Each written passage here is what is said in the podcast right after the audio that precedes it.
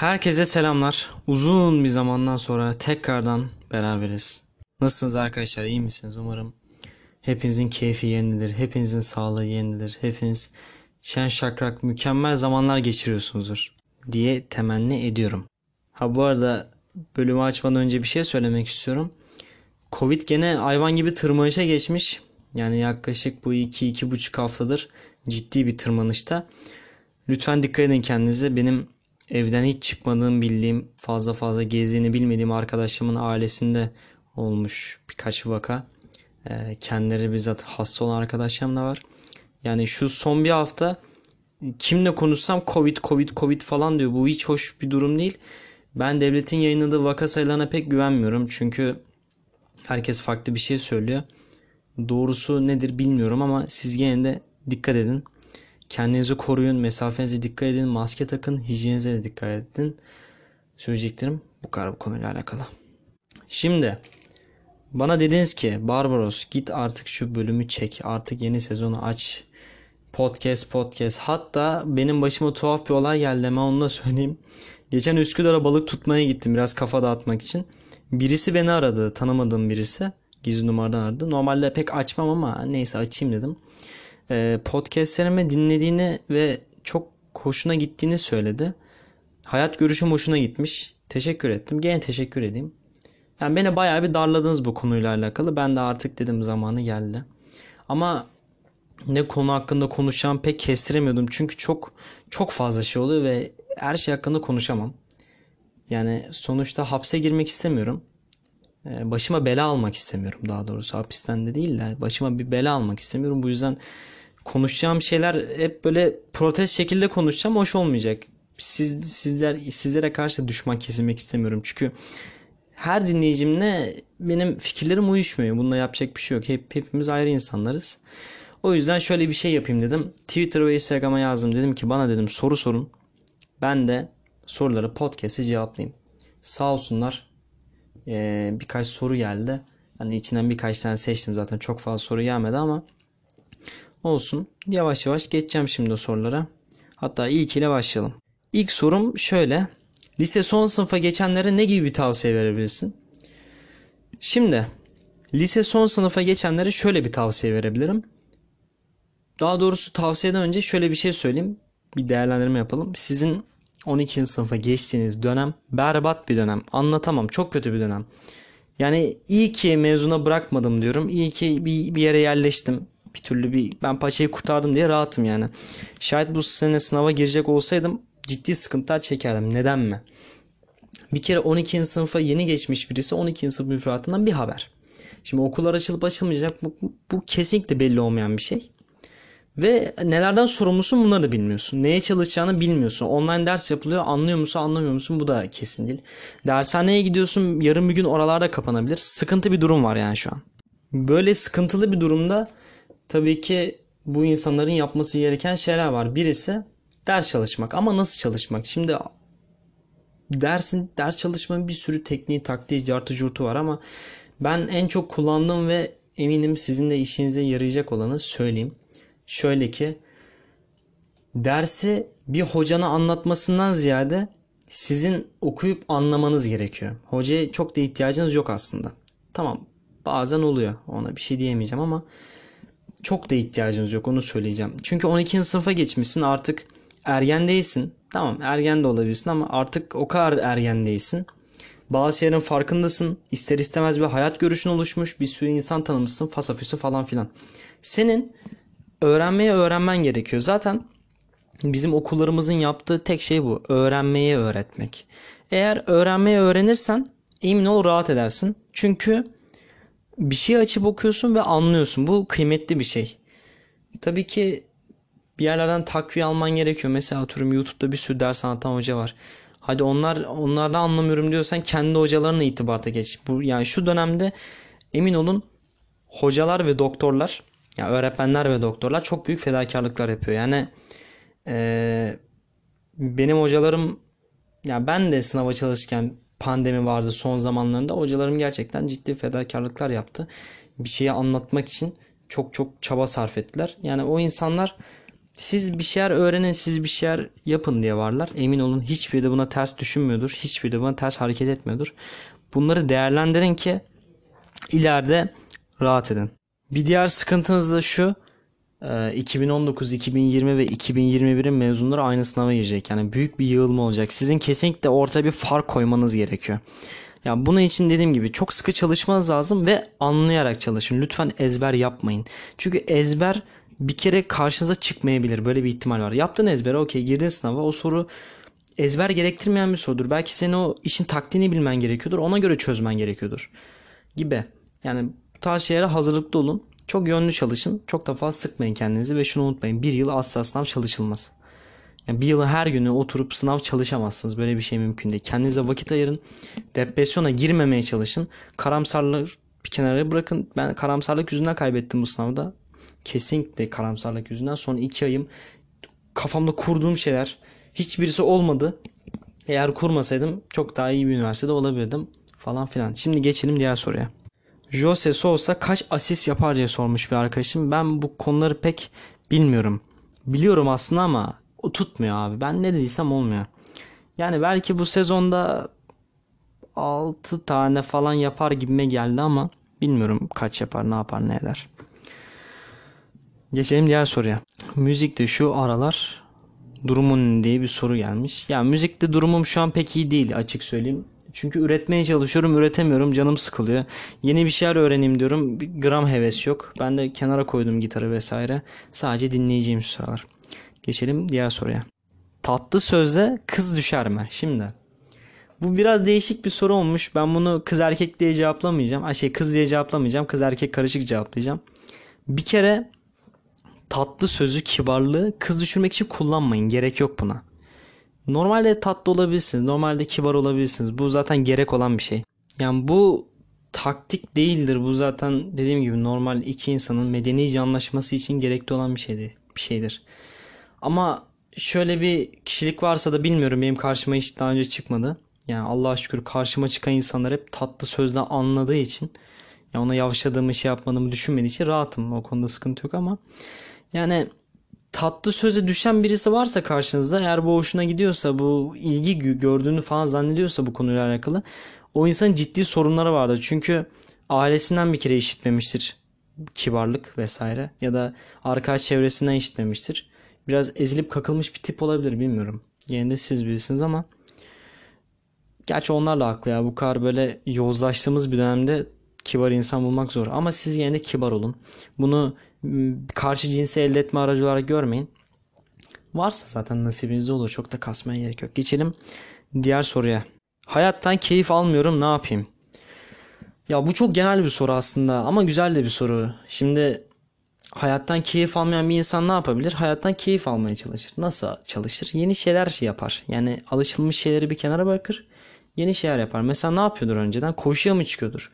Çıkma abi koşuya başka bir şey yap. İp atla mesela ne bileyim Gitar mı çalıyorsun? Bırak gitarı başka bir enstrüman öğren. Yani yenilik gerekiyor bazı konularda. Hayattan keyif almak için mesela ben ne yapmıştım? Odamın düzenini değiştirdim. İşte odamı boyayacağım bir ara. Poster falan yapıştıracağım. Ben de çok keyif aldığım söylenemez ama yani yeni şeyler yapmaya çalışıyorum. Kitap okuyabilsin mesela. Bu kitap okuma işi çocukluğumdan beri sevdiğim bir şey. Ne zaman depresyona gireceğimi anlasam açıyorum bir kitap. Zaten iki haftada bitiyor. Yani en son şey okuyordum. Suç ve Ceza'yı okuyordum. Hala bitmedi o pek vakit ayıramadım ona. Ama yakında bitiririm onu. Yani bu son bir aylık dönemde bayağı kitap bitirdim. Bayağı da iyi geldi bana. Eminim sana da iyi gelir diye düşünüyorum. Çok fazla sıkma canını. Her şey oluruna varıyor en nihayetinde. Hayattan keyif almıyorum diye düşünme. Buna en büyük sebebi şudur. Yani sen geleceğinle alakalı belki düşünüyorsundur. Çok düşünüyorsundur. Bu kadar düşünmeye gerek yok.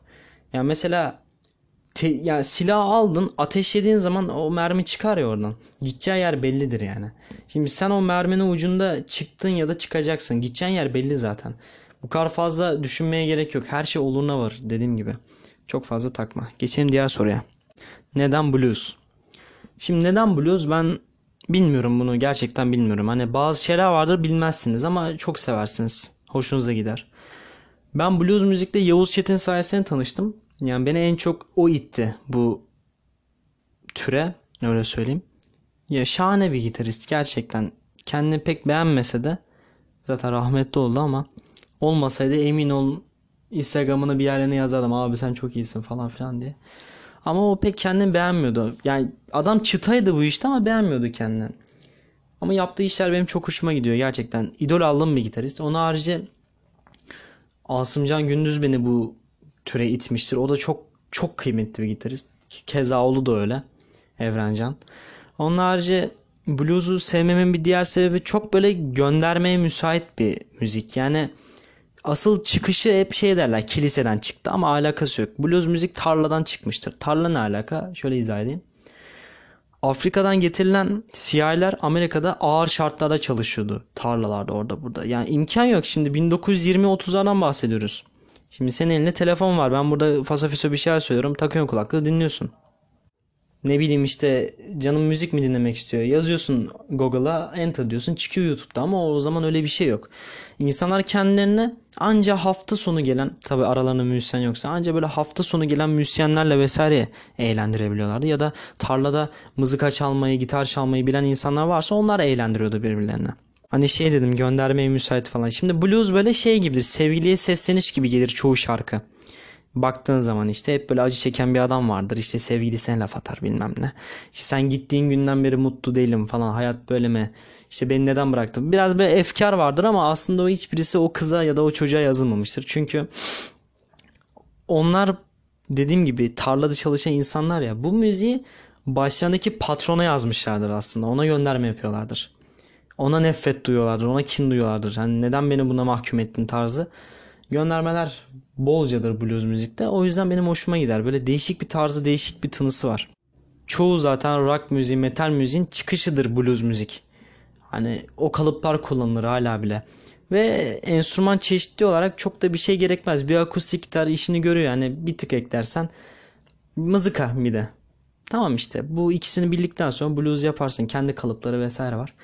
Ben çalmaktan da dinlemekten de söylemekten de keza büyük zevk alıyorum. O yüzden blues. Geçelim bir diğer soruya. Tuttuğun en büyük balık.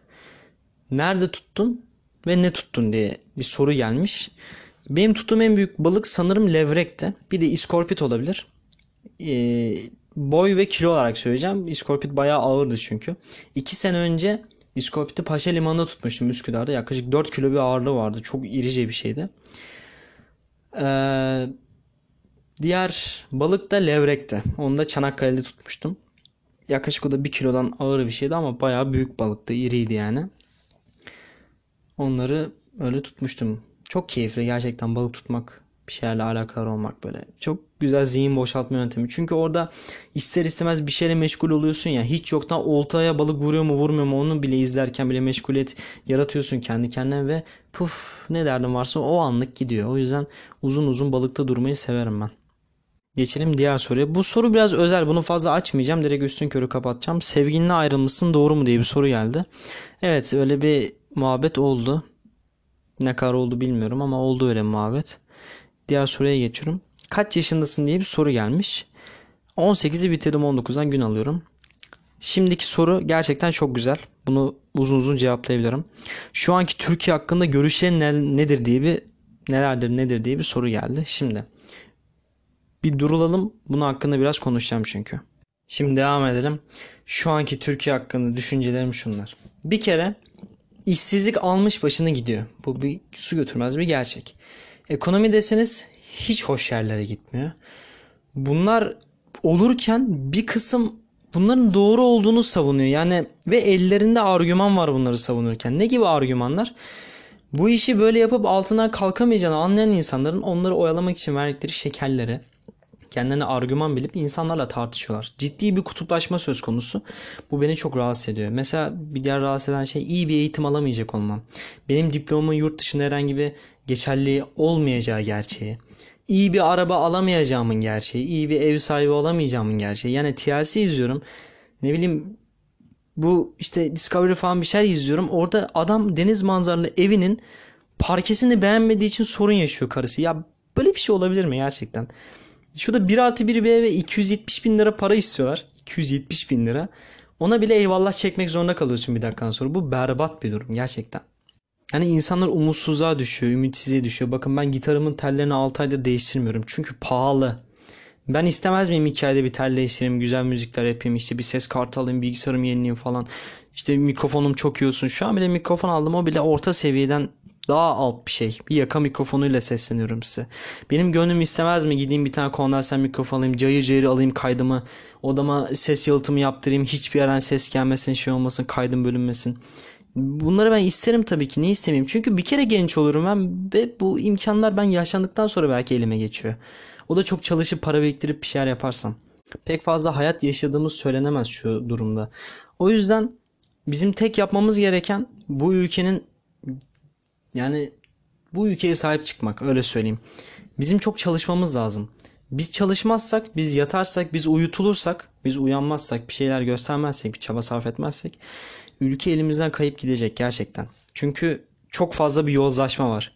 Rüşveti adam okey diyor. Ne bileyim yolsuzluğa okey diyor.